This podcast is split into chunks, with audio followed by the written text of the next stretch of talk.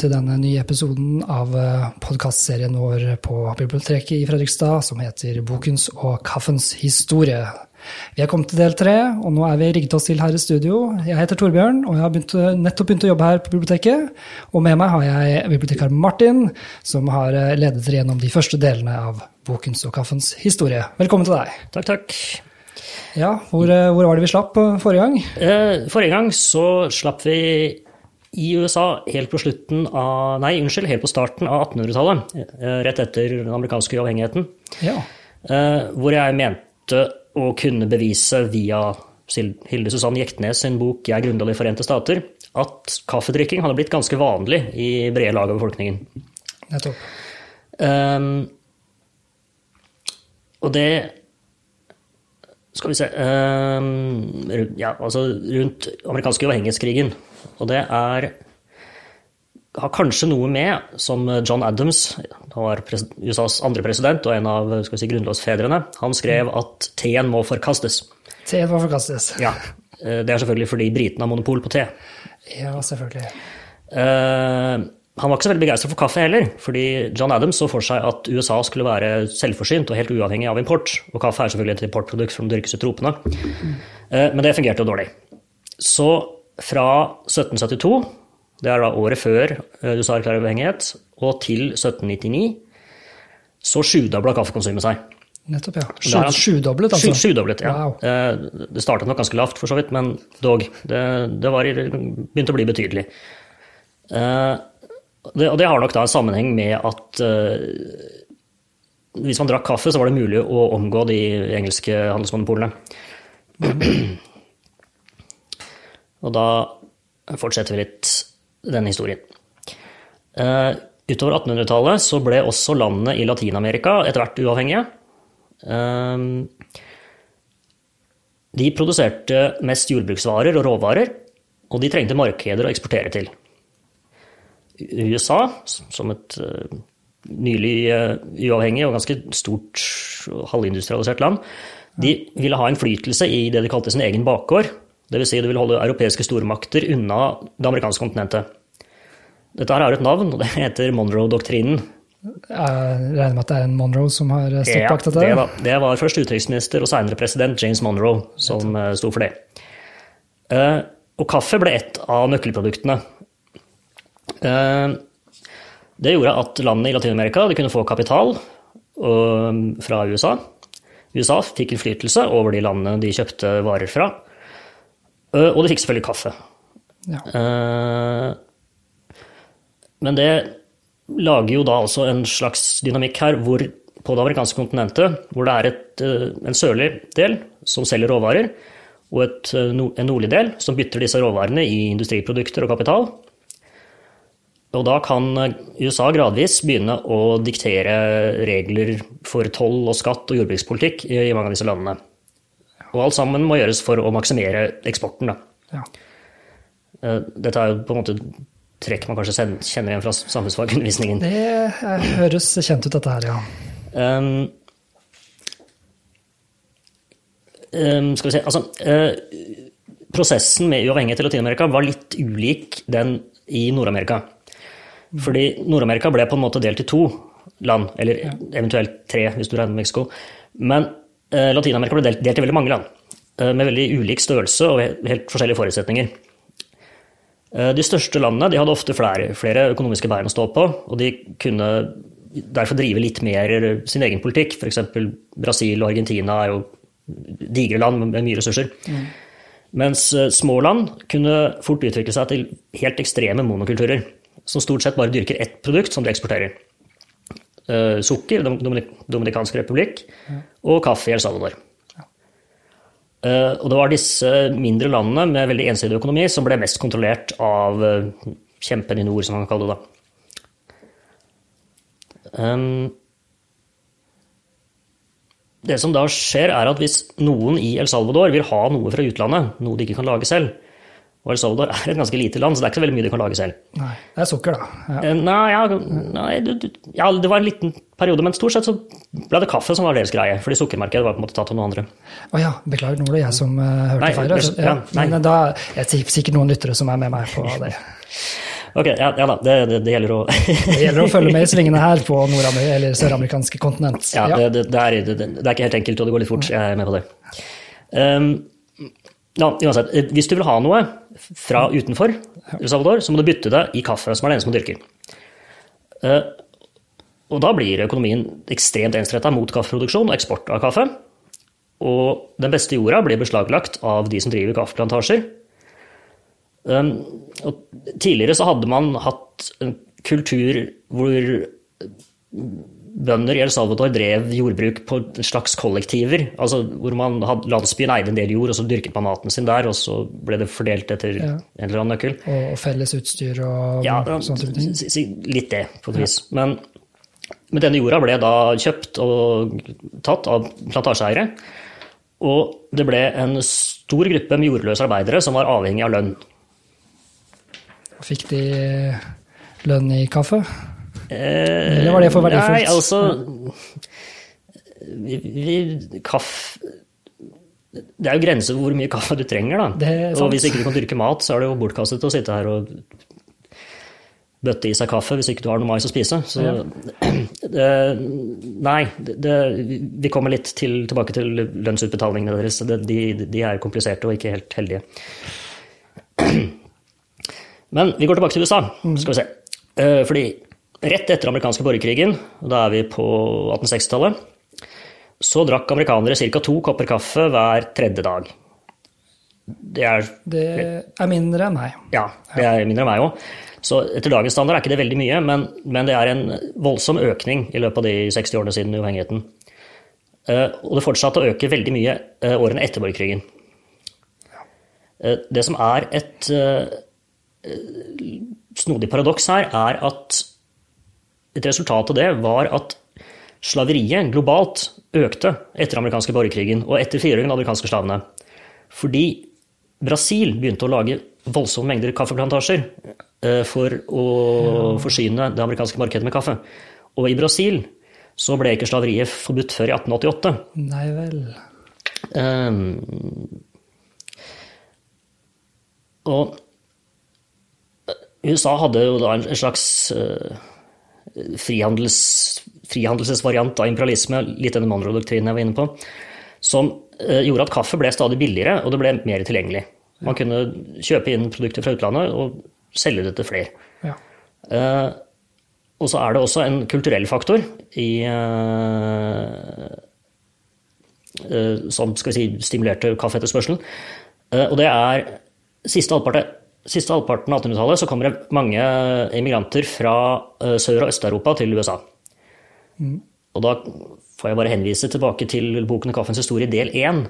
Fordi disse områdene ligger jo nærmere Det osmanske riket. Og Det osmanske riket var øh, den veien kaffen kom til Europa. Så Ja. øh, folk på Balkan og folk i Sør-Italia hadde øh, en nær, de, de bodde nærmere kaffekulturen, da, på et vis. Eh, og de, de tok med seg noen av sine vaner til USA. Eh, forskjellen var jo da også at USA lå mye nærmere de store kaffeprodusentene, så drikken der var mye billigere enn det var i Europa. Så man kunne drikke mye mer. Det gir mening, det. Det er et, ja. ikke et hav imellom. Nei, ikke sant? Absolutt. Eh, Så det fins historier om at i innvandrerslommene i f.eks. New York, så var eh, kaffe var regna som en billigere erstatning for mat mange ganger. Ja. Men det er vel ikke så mye kalorier i kaffe, er det det? Nei, det er ingen kalorier i kaffe. Ingen kalorier i kaffe. Så, så det er fordi har vært populær der. slutt, du blir til slutt syk og dør, men ja. det demper litt av den akutte sølvfølelsen. Ja. ja, det er sant. Det kan jeg kjenne meg igjen i. Ja. Og eh, Nå skal jeg spole litt tilbake. Her er vi litt inne på det, det du spurte om her. Fordi det er ikke kalorier i kaffe. Nei. Og det, det visste man for så vidt. Eh, Men her er et av de virkelig store, viktige og interessante krysningspunktene i boken 'Kaffens historie'. Okay. Og det er selvfølgelig Johan Wolfgang von Goethe En Unge verters lidelser og Ja. ja. og Faust og i det hele tatt. ja. Mm. En av de store litterære figurene i, i Europa. Absolutt. absolutt. Um, han skrev selvfølgelig mange bøker, som vi var inne på, ja. Og han drakk store mengder kaffe. Nettopp. Og så var han interessert i naturfag. Ja. Han har annet skrevet noen sånn fargelærebok og sånn. Han var ganske ja. inn i det. Ja. Eh, Men han lurte på hvor kommer energien i kaffe fra? Fordi det var jo åpenbart ikke kalorier. Det er ingen Nei, nei, nei. åpenbar energi her. Så han eh, skaffet en eske med kaffebønner, og så ga han det til en ung lege han kjente. Og da, ganske kort tid etter, i 1819, så hadde de da oppdaget det som heter Skal holde tunga rett i munnen, skal vi se. Alkaloide koffein ble da påvist og isolert. Og det er et av de første tilfellene hvor man påviser et konkret virkestoff fra en plante eller et produkt. Nettopp, ja. Så dette var banebrytende arbeid. Det var veldig ban- banebrytende arbeid. Eh, Denne legen gikk jo videre og ble en stor kjemiker. eh, Og det eh, egent- Egentlig synes jeg det er en ganske interessant historie. Men eh, Så de, virk, de fant stoffet i kaffen som gir deg energi, men hvordan det fungerte, det forble et mysterium. Ja, ja, ikke sant. Da er man jo inne på nevrologi og den slags, ikke sant? så det, Ja, ja. det hadde vi ikke helt styring på. Stimulering av eh, nerveceller oppi, ja, ja, videre. Ja. Jeg skjønner ikke sjøl, jeg. Men ja. Nei, nei det, det, det gjør egentlig ikke jeg heller. Jeg, Men jeg godtar jeg sitter her og at later som, men det er ikke ikke. uh, skal vi se. Uh, men i USA, 100 år seinere omtrent, i år 1900, så var kaffe, og da koffein, som de visste om, det var veldig omdis omdiskuterte stoffer. Uh, man var jo usikker på Man forsto ikke riktig hvordan det virket, og man lurte på om det var farlig, og så at mange, mange, mange drakk mye kaffe, og dette tenkte man jo kunne ha skadelige virkninger. Da. Så det var en del forskere som begynte å drepe en masse kaniner ved å gi dem overdoser av koffein. Sa du kaniner? Ja, De tok livet av kaniner ved å gi dem masse koffein. Og det er jo skummelt. Ja. At folk drikker dette stoffet som du kan drepe kaniner med. Det ja. er jo forferdelig. Har dette noen sammenheng med Duracell-kaniner, eller er det Det kan godt hende, det vet jeg ikke. Kanskje det, er en, kanskje det er et tema for en videre Det blir bonusepisode. En bonusepisode, ja. Vi får se. Um, men så forsøkte de å drepe kaninene ved å gi dem kaffe. Altså ikke koffein, men vanlig kaffe. Ja. Men kanin, kaninmager kan ikke romme nok kaffe til å gi en dødelig dose. Ah, Så da sa forskerne at kaffe er trygt. takk. Og da plutselig blusset det opp en ganske stor, men heldigvis ganske kortvarig trend med konkurranser i kaffedrikking. Den rekorden som jeg tror fortsatt er stående, ble satt av Gus Com Comstock i eh, 1927, da han drakk 85 kopper kaffe på sju timer. Oi, 85 hvor, hvor mye tilsvarer det i liter? Har du uh, nei, skal vi se, det tror jeg nok jeg må finne fram en kalkulator. Men det er mye, da. Det er ganske mye. ja, ja. Det er ca. 2 dl en kopp. Så- Ja, ikke sant? Ja, da er det bare å gjøre matten. eh, Ja. Ikke sant? Det, jeg vet eh, Lars Monsen sier at han, han gir seg på 1,2 liter om dagen. Og det er langt over det. Så dette er ganske ja, mye det, mer, det, det, Dette er en helt annen liga. Nei, nei, nei. Eh, New York Times rapporterte at eh, slurkene ble litt tyngre på slutten, men han følte seg som en helt. Det er veldig bra. det er veldig bra.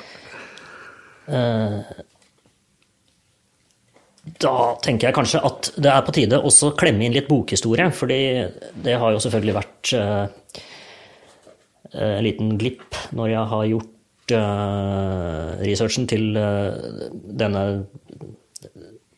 denne delen av bokens kaffes historie, at jeg har forsømt bokhistorien litt. Jeg har fokusert veldig på kaffen. Så da bare dytter vi inn litt innimellom, og så kan jeg på en måte si at jeg har midt på det rene. Ja, det syns jeg høres ut som en bra plan. Da har jeg funnet en bok her av eh, en uh, tysk uh, forfatter, litteraturviter, som heter Burk, Burkhardt Spinnen. Okay. Og han har skrevet en liten, uh, liten fin rød bok som heter Boken en hyllest. Ja. Hvor han tar for seg forskjellige aspekter ved bøker og lager sånne veldig korte, små essayaktige øh, historier rundt det. Jeg sy- syns egentlig det er veldig hyggelig. Han, Det er kult. han er jo da en øh, virkelig tung boksamler, da, for å si det sånn. Han er meget bibliofil. Ja, det, er en mann vi liker her. Ja da. Når man tar en bok i hånden, merker man helt fysisk vekten av alt det som måtte gjøres, sies, drøftes og besluttes for at den, for at den, had- at den i det hele tatt kunne oppstå. En eller annen har skrevet teksten, kanskje har flere skrevet eller blitt enige om den. Andre igjen har muligens hjulpet til med research og reiser. Konsulenter og agenter har lest og anbefalt manus. Forlagsredaktøren har antatt det. Det ble laget kalkyler og investert i produksjon av boken. Så ble manus vasket og korrekturlest flere ganger. Et trykkeri har trykket boken etter at papirfabrikken har levert papiret. Tekstilmaterialet til omslaget kommer fra et veveri. Lim og tråd kommer fra andre steder. Grafiske designere har utformet omslaget. Forlagsmedarbeidere har presentert boken for bokhandlere. Markedsavdelingen har prøvd å gjøre boken så kjent som mulig. Og til slutt har sjåførene befordret boken ut til bokhandlerne. Bokhandlerne har registrert, stilt ut og solgt den. Og jeg har ganske sikkert glemt atskillige andre som også har vært delaktige. Ja. Det var, det var veldig fint. Ja. Ja. jeg vet ikke. Det er, det er sånn... Og boken heter Boken? Den heter Boken, rett og slett. Den, en, hyll, en hyllest, det skal jeg klare å huske. Ja. En hyllest undertittel. Veldig fint. Ja. det var bare en slags vet ikke, redegjørelse for hva man egentlig holder i hånden. Da. Jeg har litt sansen for den. Veldig fint. Ja, så da går vi tilbake, tilbake til kaffen. Da går vi tilbake til kaffehistorien. Ta en liten slurk her òg. Ja, jeg gjøre det. Sette en standard. Ja, jeg tror fortsatt jeg mangler 80 kopper for å slå rekorden. Men, ja, det er litt å gå på der, ja. Skal vi se. Uh, første tiårene av 1900-tallet så begynte amerikanske kaffeimportører uh, De hadde en egeninteresseorganisasjon. Mm. De begynte å, alliere seg med forskere og universiteter, bl.a. Uh, ganske kjente MIT i Boston. Ja. Og så begynte det å dukke opp rapporter om kaffens fantastiske evner og effekter. Den fremmet motorikken, det bedret kognitive evner. Og det uten disse på en måte rus og nedtur og skadeeffektene som andre stoffer kunne gi. Dette her ble lagt merke til av industrieiere. Folk med penger som vil ha litt penger, mer penger. som ansetter andre til å jobbe lange skift for å lage ting. Ja. Og de observerte at dersom arbeiderne fikk kaffe i løpet av arbeidsdagen, så jobba de ikke fortere akkurat, men produkten på de kvalitet, på de, altså kvaliteten på de produktene de laga, holdt seg stabil gjennom hele dagen. Aha. Så Fordi det som var vanlig tidligere, var at hvis du, jeg vet ikke, lager en dings, så er den som lages fram til klokka to på dagen, er fin, mens den som lages etter det, er litt dårligere. Ja. Og, og over tid så har det ganske mye å si da, for inntekten til en fabrikk, hvis det ikke lages stabile, gode produkter. Det Ja, absolutt. Ja. Så gratis kaffe til arbeiderne, det var rett og slett ganske god butikk. Wow. Og Så de der kaffepausene er eh, De har en eh, produktiv, eh, produktivt aspekt av seg, absolutt. ja, hvis man tror at kaffepausen er en gave fra arbeidsgiveren til deg, så skal du tenke ja, to ganger. For det var det jeg kom til at de bør ikke nødvendigvis ha pause for å drikke kaffe, nei. Nei, det er ikke så Skal vi se. Um, omtrent samtidig så går USA inn i første verdenskrig, og den amerikanske industrien går inn i et eh, nytt og koffeinindusert gir. Det blir en voldsom industrivekst i USA. Ok. Så da kan vi gå tilbake og se litt på El Salvador. Som jeg har vært inne på her, så ble jorda i stor grad privatisert før århundreskiftet. Det vil si at disse kollektivløsningene for dyrking av mat, som antagelig var basert tilbake i liksom, indianske røtter fra før europeiske kolonister, det, det var vekk. Um, og, det, og den private jorda ble stort sett brukt til kaffedyrking. Og som vi snakka om i stad, så er kaffebønner ikke mat. Nei. Da har vel befolkningen eh, behov for noe mer mat. Mm, Ja, det er egentlig nøkkelen her, og det tror jeg mye av, eh, mye av resten av episoden kommer til å handle om.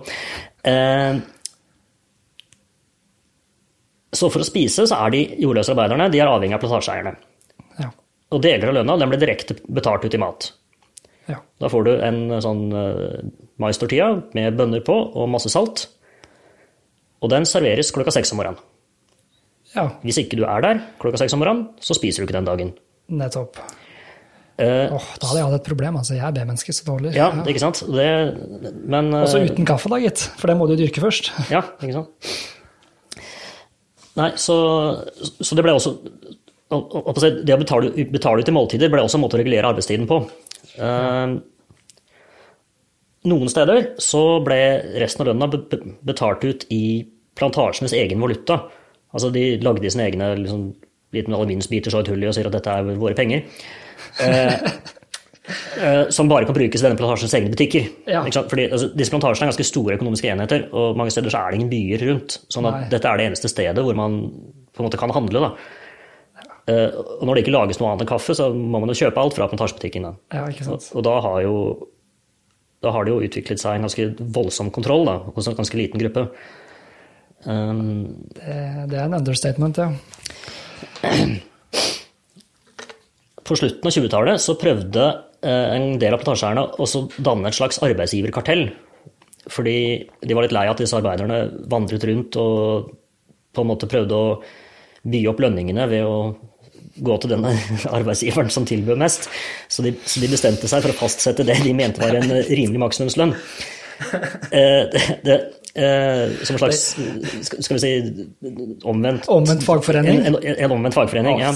Dæsken. Ja. Det var det ikke så veldig lenge, da, fordi fristelsen for å begynne å overby hverandre i sesongen da man var- ble for høy, for de klarte ikke å samarbeide. ja. Kapitalismen har noe med seg, i hvert fall. da. Ja. Eh, så liksom, eh, dette, dette å skaffe nok arbeidere i de ganske korte periodene hvor man driver f.eks. innhøsting, var, var litt kritisk. Så det, det, det var ofte arbeidsmangel, merkelig nok. Så da begynte man faktisk å sysselsette kvinner på slutten av 20-tallet i El Salvador. El Salvador er et katolsk land, og dette var ganske progressivt. Ja. Men de fikk da selvfølgelig bare halv lønn, da. Det var ja. ja, det skulle, vi bare være måte på, ja. Mm. Oi, oi, oi. Så da har man privatisert jord retta mot eksportkapitalisme som gir sult. Det er ja, ikke så, så hyggelig, kanskje.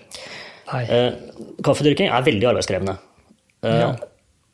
Og når plantasjeeierne har muligheten til å bruke tilgang på mat som et middel til å gjøre arbeiderne avhengige Og ettersom all den jorda som man kunne dyrket mat på, var lagt om til kaffeproduksjon, så ble maten importert.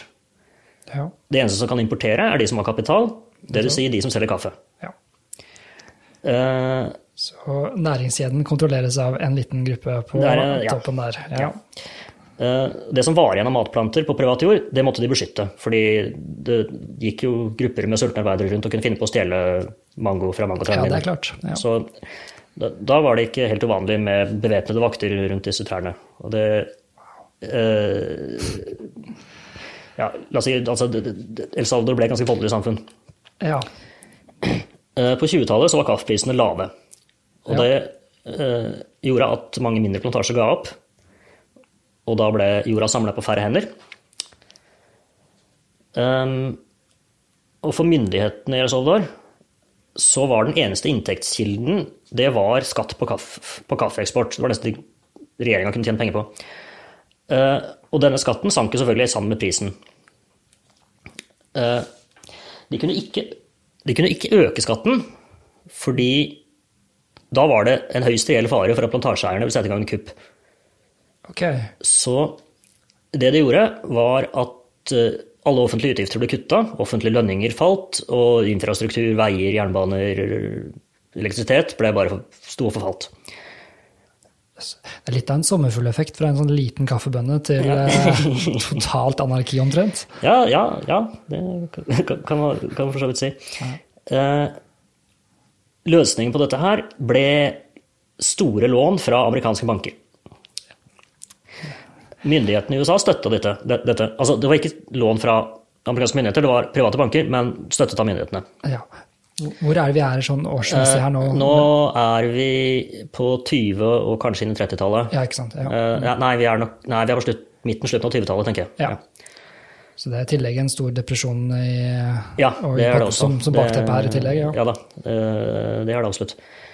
Um, så Fordi ja, eh, USA var etter første verdenskrig i ferd med å bli en stormakt. Altså Egentlig hadde det blitt det. Det var, det, det var ikke noe spørsmål lenger. Og, og deres mål var fremdeles å holde europeere unna Sør-Amerika.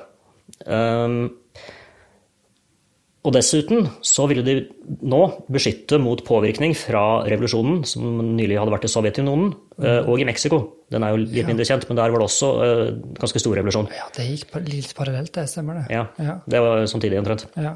Um, Så da må det jo på en måte hindre at samfunnet i Sør-Amerika klapper sammen. fordi da det kan gi grobunn for eh, kommunisme. Kommunismen kommer, ja ja. Så, eh, men betingelsene for disse lånene det var selvfølgelig at kaffeeksporten måtte fortsette for fullt. Fordi det er den eneste måten myndighetene i Salvador kan få inntekter eh, til å betale avdragene. Ja. Eh, og litt sånn implisitt eh, riset bak speilet her, så var disse lånene de var garantert av US Army. Fordi de kunne gripe inn i El Salvador dersom eh, den økonomiske politikken ikke var god nok.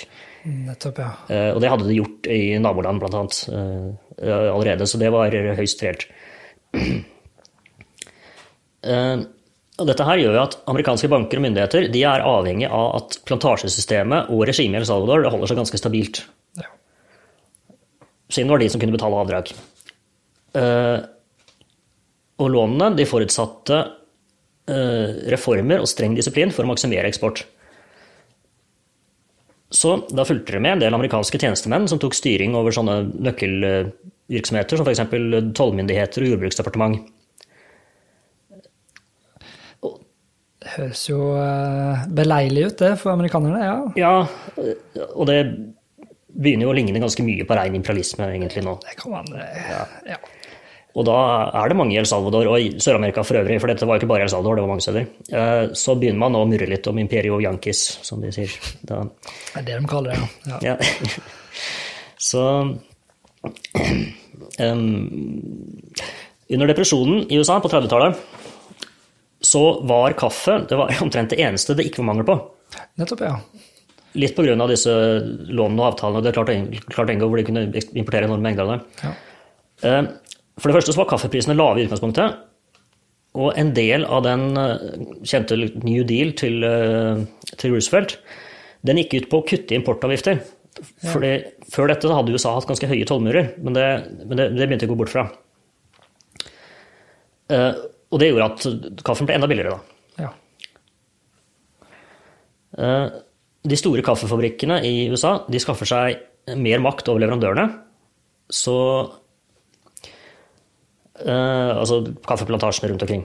Ja. El og andre steder. Så ble, men ble det som regel da det er rå kaffe som blir importert og brent i USA, eller? Uh, ja, jeg Ja. tror jeg, tror jeg vet ikke om det er helt alltid, men jeg tror det aller meste ble brent i USA, ja. Ja. Så, så de, eh, de vasket og tørket gjorde klar bønnene, og så sendte de dem, og så ble de brent i USA. Ja. Det er vel noe med at uh, pakkingen av kaffen må skje ganske raskt etter brenningen for at den- kvaliteten skal holde seg. Det, er- det det de sier på pakka, ja. Mm. Um, så, uh, men da begynte du å kunne diktere spesifikasjoner i kvalitet eller uh, liksom utseende på bønnene de kjøpte og sånn. Og eh, og det gjorde at de som var raskest til å på en måte skjønne og omstille seg til de ønskene som amerikanske kaffebrennerier og fabrikker hadde, det var de, det var de som klarte seg best. Og, og, og det var også gjerne de som hadde best kontakt da, med disse oppkjøperne i, i Nord-Amerika. Og mot slutten av 30-tallet så er det et annet fenomen, og det er supermarkedet kommer ja. og begynner å konkurrere ut liksom landhandlene og butikken på hjørnet og sånn. Uh, disse, den eldre modellen butikken hadde gjerne solgt kaffe i løsvekt i bønner som liksom malte sjøl, men, det, men men det passer ikke inn i et supermarked. Nei, da uh, og det er jo supermarkedmodellen. Den er basert på store kvanta av like standardiserte varer. Og med et lite begrenset antall du kan velge i. Ja. Uh, og da begynte de med forsegla bokser med ferdig malt kaffe. Og det er ofte i liksom sånn eh, ja, røde og grønne og fine farger, og markedsført med romantiske bilder av de eksotiske stedene det ble dyrket. Da. Man kan gjerne, jeg tror de fleste skal se, se dette litt for seg. ja, dette er markedsføring 101, dette her. Ja da. Um, og kaffe var et veldig godt sånn trekkplasterprodukt for supermarkedene. Liksom noe de satte ved inngangen. Fordi det er liksom noe alle kjøper, og så har det en sånn iøynefallende, attraktiv emballasje. Og så kan du liksom stable høye hauger, da, eller sånn høye tårn med kaffebokser. Ja. Symbolisering overflod. Ja. Ja, det kan du si. Og øh, omtrent øh, samtidig der så, så begynner kaffetrakteren å bli vanlig i USA. Og jeg får, får kanskje si at jeg, tror det kom, kom en god del seinere i Norge, men, men, men, i USA så var det ganske tidlig ut med den, uten at jeg har uh, Ja, jeg vil tro at uh, vi holdt på kokekaffen her ganske ja, en, en, lenge. god, en altså. god del lenger Ja. enn 1940, hvor jeg Ja. kanskje befinner meg nå. Så, det, men, men i USA var det, var det ganske tidlig ute med det. Og det, det var uh, også litt hjulpet av kaffefabrikantene, fordi de uh, kjørte en veldig kampanje på at eh, traktekaffe er bedre enn kokekaffe. Og det har en helt logisk forklaring. Og det er fordi vannet er i kontakt med kaffe, kaffepulveret i kortere tid. Og da frigjøres det mindre tanniner, og da blir kaffen mindre bitter. Ja. En annen ting med det er at traktekaffe krever mer kaffepulver per kopp, og at man gjerne lager mer av gangen. Da. Implisitt at man kjøper Ja, mer kaffe. For, for amerikansk middelklasse, som nå etter hvert kunne begynne å kjøre rundt i bil til supermarkeder utenfor byen og kjøpe billig kaffe, så var dette det var en selvfølgelig del av deres tilværelse. Eh, Billig kaffe, stablet høyt og perfekt tilberedt etter oppskrifter i husmorbladene. En, en uh, utopi. Ja, litt sånn, jeg vet ikke. Det føltes sikkert fint, litt sånn. Men, men denne kaffestrømmen var jo da på en måte garantert av de forgjeldede myndighetene i El Salvador og andre steder. Eh, depresjonen på 30-tallet, den ramma jo eh, for så vidt hele verden, og også El Salvador, og kaffeplantasjene der. Og flere av de mindre effektive og mindre plantasjene måtte gi opp, og ble kjøpt opp av de største og rikeste. Her begynner vi kanskje å ane et visst mønster. Er det Så- sammen, eh, sammenhenger her, ja. ja. Ja, det, det, det er vel et trekk som går igjen, dette. Eh, kaffedyrkinga ble effektivisert, og ehm, tidligere så hadde det vært vanlig å ha matplanter mellom kaffebuskene. Det blir litt sånn småteknisk, men altså eh, Kaffebusker tåler direkte sollys litt dårlig, så man måtte ha høye planter mellom dem. Ja, så du får litt skjerming. Litt skjerming, ja. ja. Eh, Og da var det ofte bønner eller mangotrær de hadde satt der, fordi Ja. det var en grunn. Det var veldig lurt at de tok mat, og ikke bare pynteplanter, ja. Ja, men det begynte med nå. Å ja. Fordi de kan ikke ha mat tilgjengelig for disse arbeiderne, for da taper de Ja, kontroll. stemmer det, og det som er problemet, ja. Mm. Ja. Ah, Eh, Nei, oppskrift på eh, disaster, dette her. ja, så eh, om man ville spise noe i Salvador nå, så var det ikke alternativ. Du måtte jobbe på plantasjen. Ja. ja. Enkelt og greit, ja. Eh, og den, altså, dette ga jo god kontroll over arbeiderne, men det begynte også å gi en del motivasjon til å organisere seg. Eh,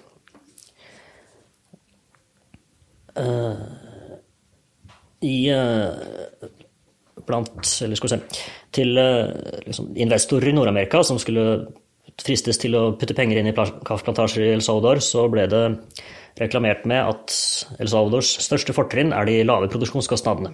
ja. Eh, og det er kanskje ikke så heldig for de som da produserer. Um, da tror jeg jeg tar en pause igjen, og så Eller leser litt mer bokhistorie, bare sånn for å lette, lette litt på stemningen her. Ja, det, det er mørkt nå, altså. Det, Eh, skal vi se. Da har eh, ja, nei, men det er jo en grunn til at vi har dette med eh, fair trade. Altså, det er, var på Det har jo vært krise lenge, dette her. Ja da. Ja, ja, ja. Og, Det, det, ja, det er fint å kjenne til historien. Her har jeg funnet fram kapittelet 'Det offentlige biblioteket'. Oi, Ettersom det er der vi befinner oss, så er jo det, tenkte jeg det passet. veldig passende. For å si det enkelt og sterkt forkortet, i lang tid var bibliotekene, om de ikke hørte til klostre eller universiteter, underavdelinger av de fyrstelige kamre med tyvgods og krigsbytte. Ved siden av gullskattene voktet man kunnskapens og åndens rikdommer der. Ofte tilhørte bøkene én eller få personer som var flinke til å forsvare sine eiendeler, enn til å gjøre bruk av dem. Det kan være at også mye vakkert oppsto i disse tider. Kirker, slott, malerier, skulpturer, musikk og litteratur. Tross det kan være glad for at de er borte. I alle fall i mange deler av verden. For da det tok slutt med fyrstedømmene, ble mange private bokskatter forvandlet til offentlige biblioteker. Det var en av opplysningstidens store fortjenester, og et av de viktigste skrittene mot demokratisering av levekårene. Bare kunnskap lar en delta i samtalen og gjøre innvendinger og oppnå resultater. Kunnskap er makt.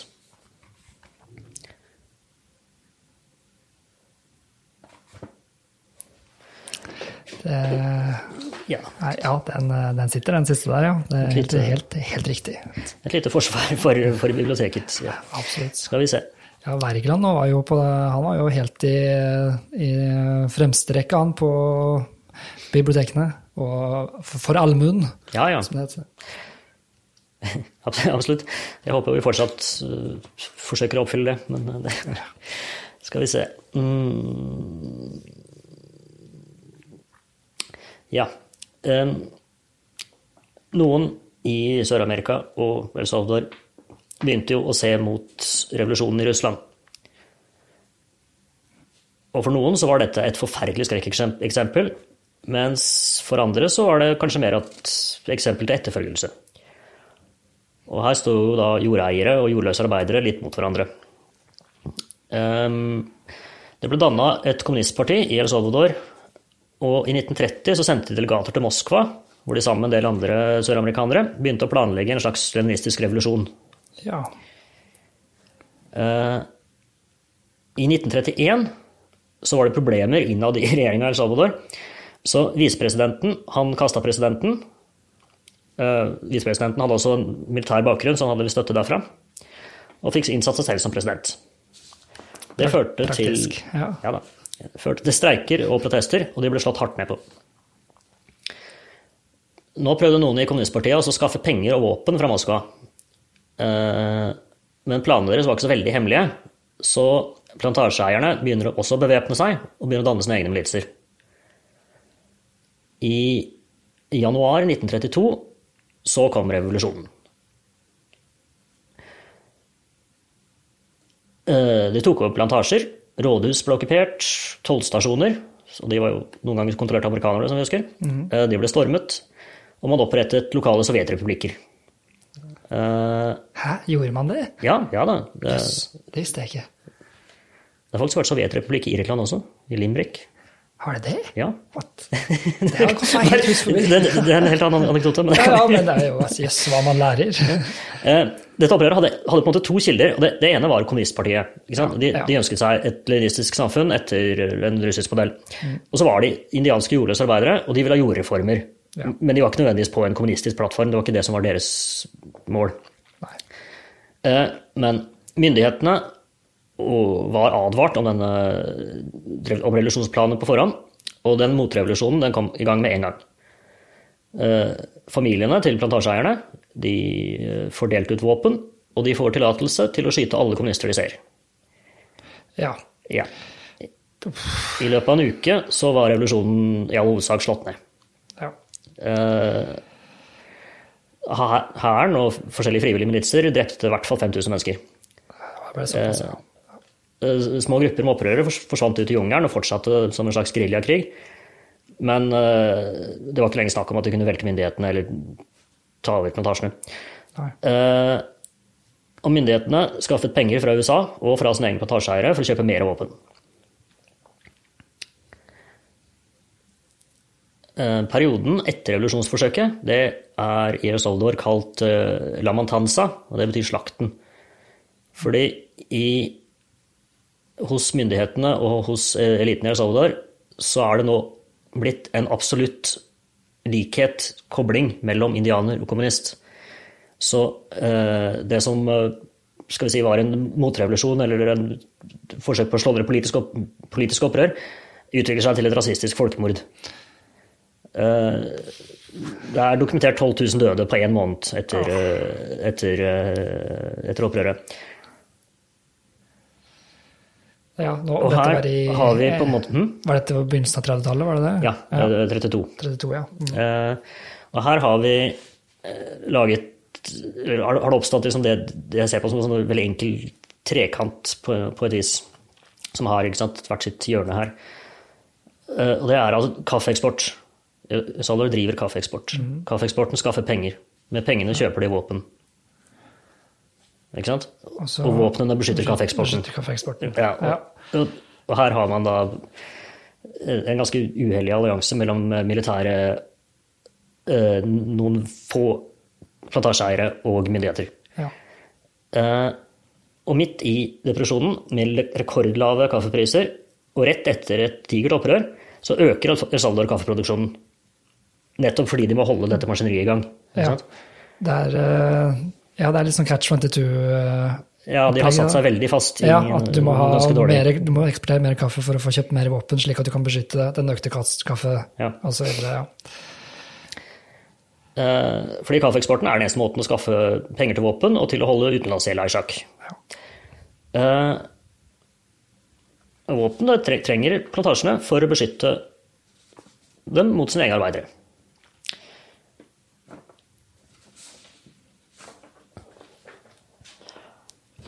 Og etter dette revolusjonsforsøket så var det flere plantasjeeiere som ga seg. Altså solgte seg ut, flytta til USA kanskje, jeg vet ikke. Men det var eh, Til slutt så sier man at mer eller mindre all jord som var verdt noe i El Salvador, den var eid av 14 familier. Det, Nå er ikke Salvador et veldig stort land. det var det jeg skulle si, hvor stort er El Salvador omtrent? Det, det er jo ikke, det er ikke svært, nei. Nei, det er ikke så stort. Men eh, det har en, nå har det et innbyggertall ca. tilsvarende Norge. Ja. Så jeg vil tippe 30-tallet bodde kanskje to millioner der. Ja. Ja, noe sånt, ja. Altså det bor i overkant av fem nå. Så. ja. Det er en ganske stor forskjell fra det tallet og 14 familier. Det er eh, Jo greit nok at man har noen fettere og kusiner, men eh, så store, da. Nei, så, så de, altså de har jo da eh, Det er en maktkonsentrasjon som er noe av det mer ekstreme man har sett. Eh, og det var blitt et av de mest ulike og mest voldelige stedene i verden. Eh, og så tenker jeg å stoppe historien om Salvador her. Ja. Eh, fordi eh, de som er gamle nok til å ha fulgt med på nyhetene på 80-tallet, de vet hvordan det går. Og hvis ikke, så er det, det litt mer tilgjengelig informasjon. Eh, Nettopp. jeg kan bare nevne at i 1979, som ikke er et helt tilfeldig, eh, tilfeldig valgt år, fordi det var det året det neste opprøret starta, men da kom 50% av El Salvadors bruttonasjonalprodukt kom fra kaffe. Ja. Til sammenligning så utgjorde olje i Norge eh, 14% av BNP i 2019. Og vi mener at vi er oljeavhengige. ja. Og vi tjener jo mye på olje, vi gjør Ja, det. ja, ja. Men, eh, Men, men altså, i, av bruttonasjonalprodukt er på en måte all økonomisk omsetning i et land. Ikke sant? ja, ja. Så, så det, det, det, er, det er en 50% helt avsindig ensretting. Så hvis du, ja, så skjer noe med kaffeproduksjonen, så går jo hele landet til grunne. Ja, det er jo litt og- til grunne allerede, ja. Og, og, og kaffe, kaffeprisene er notorisk ustabile. Absolutt. Ja. Så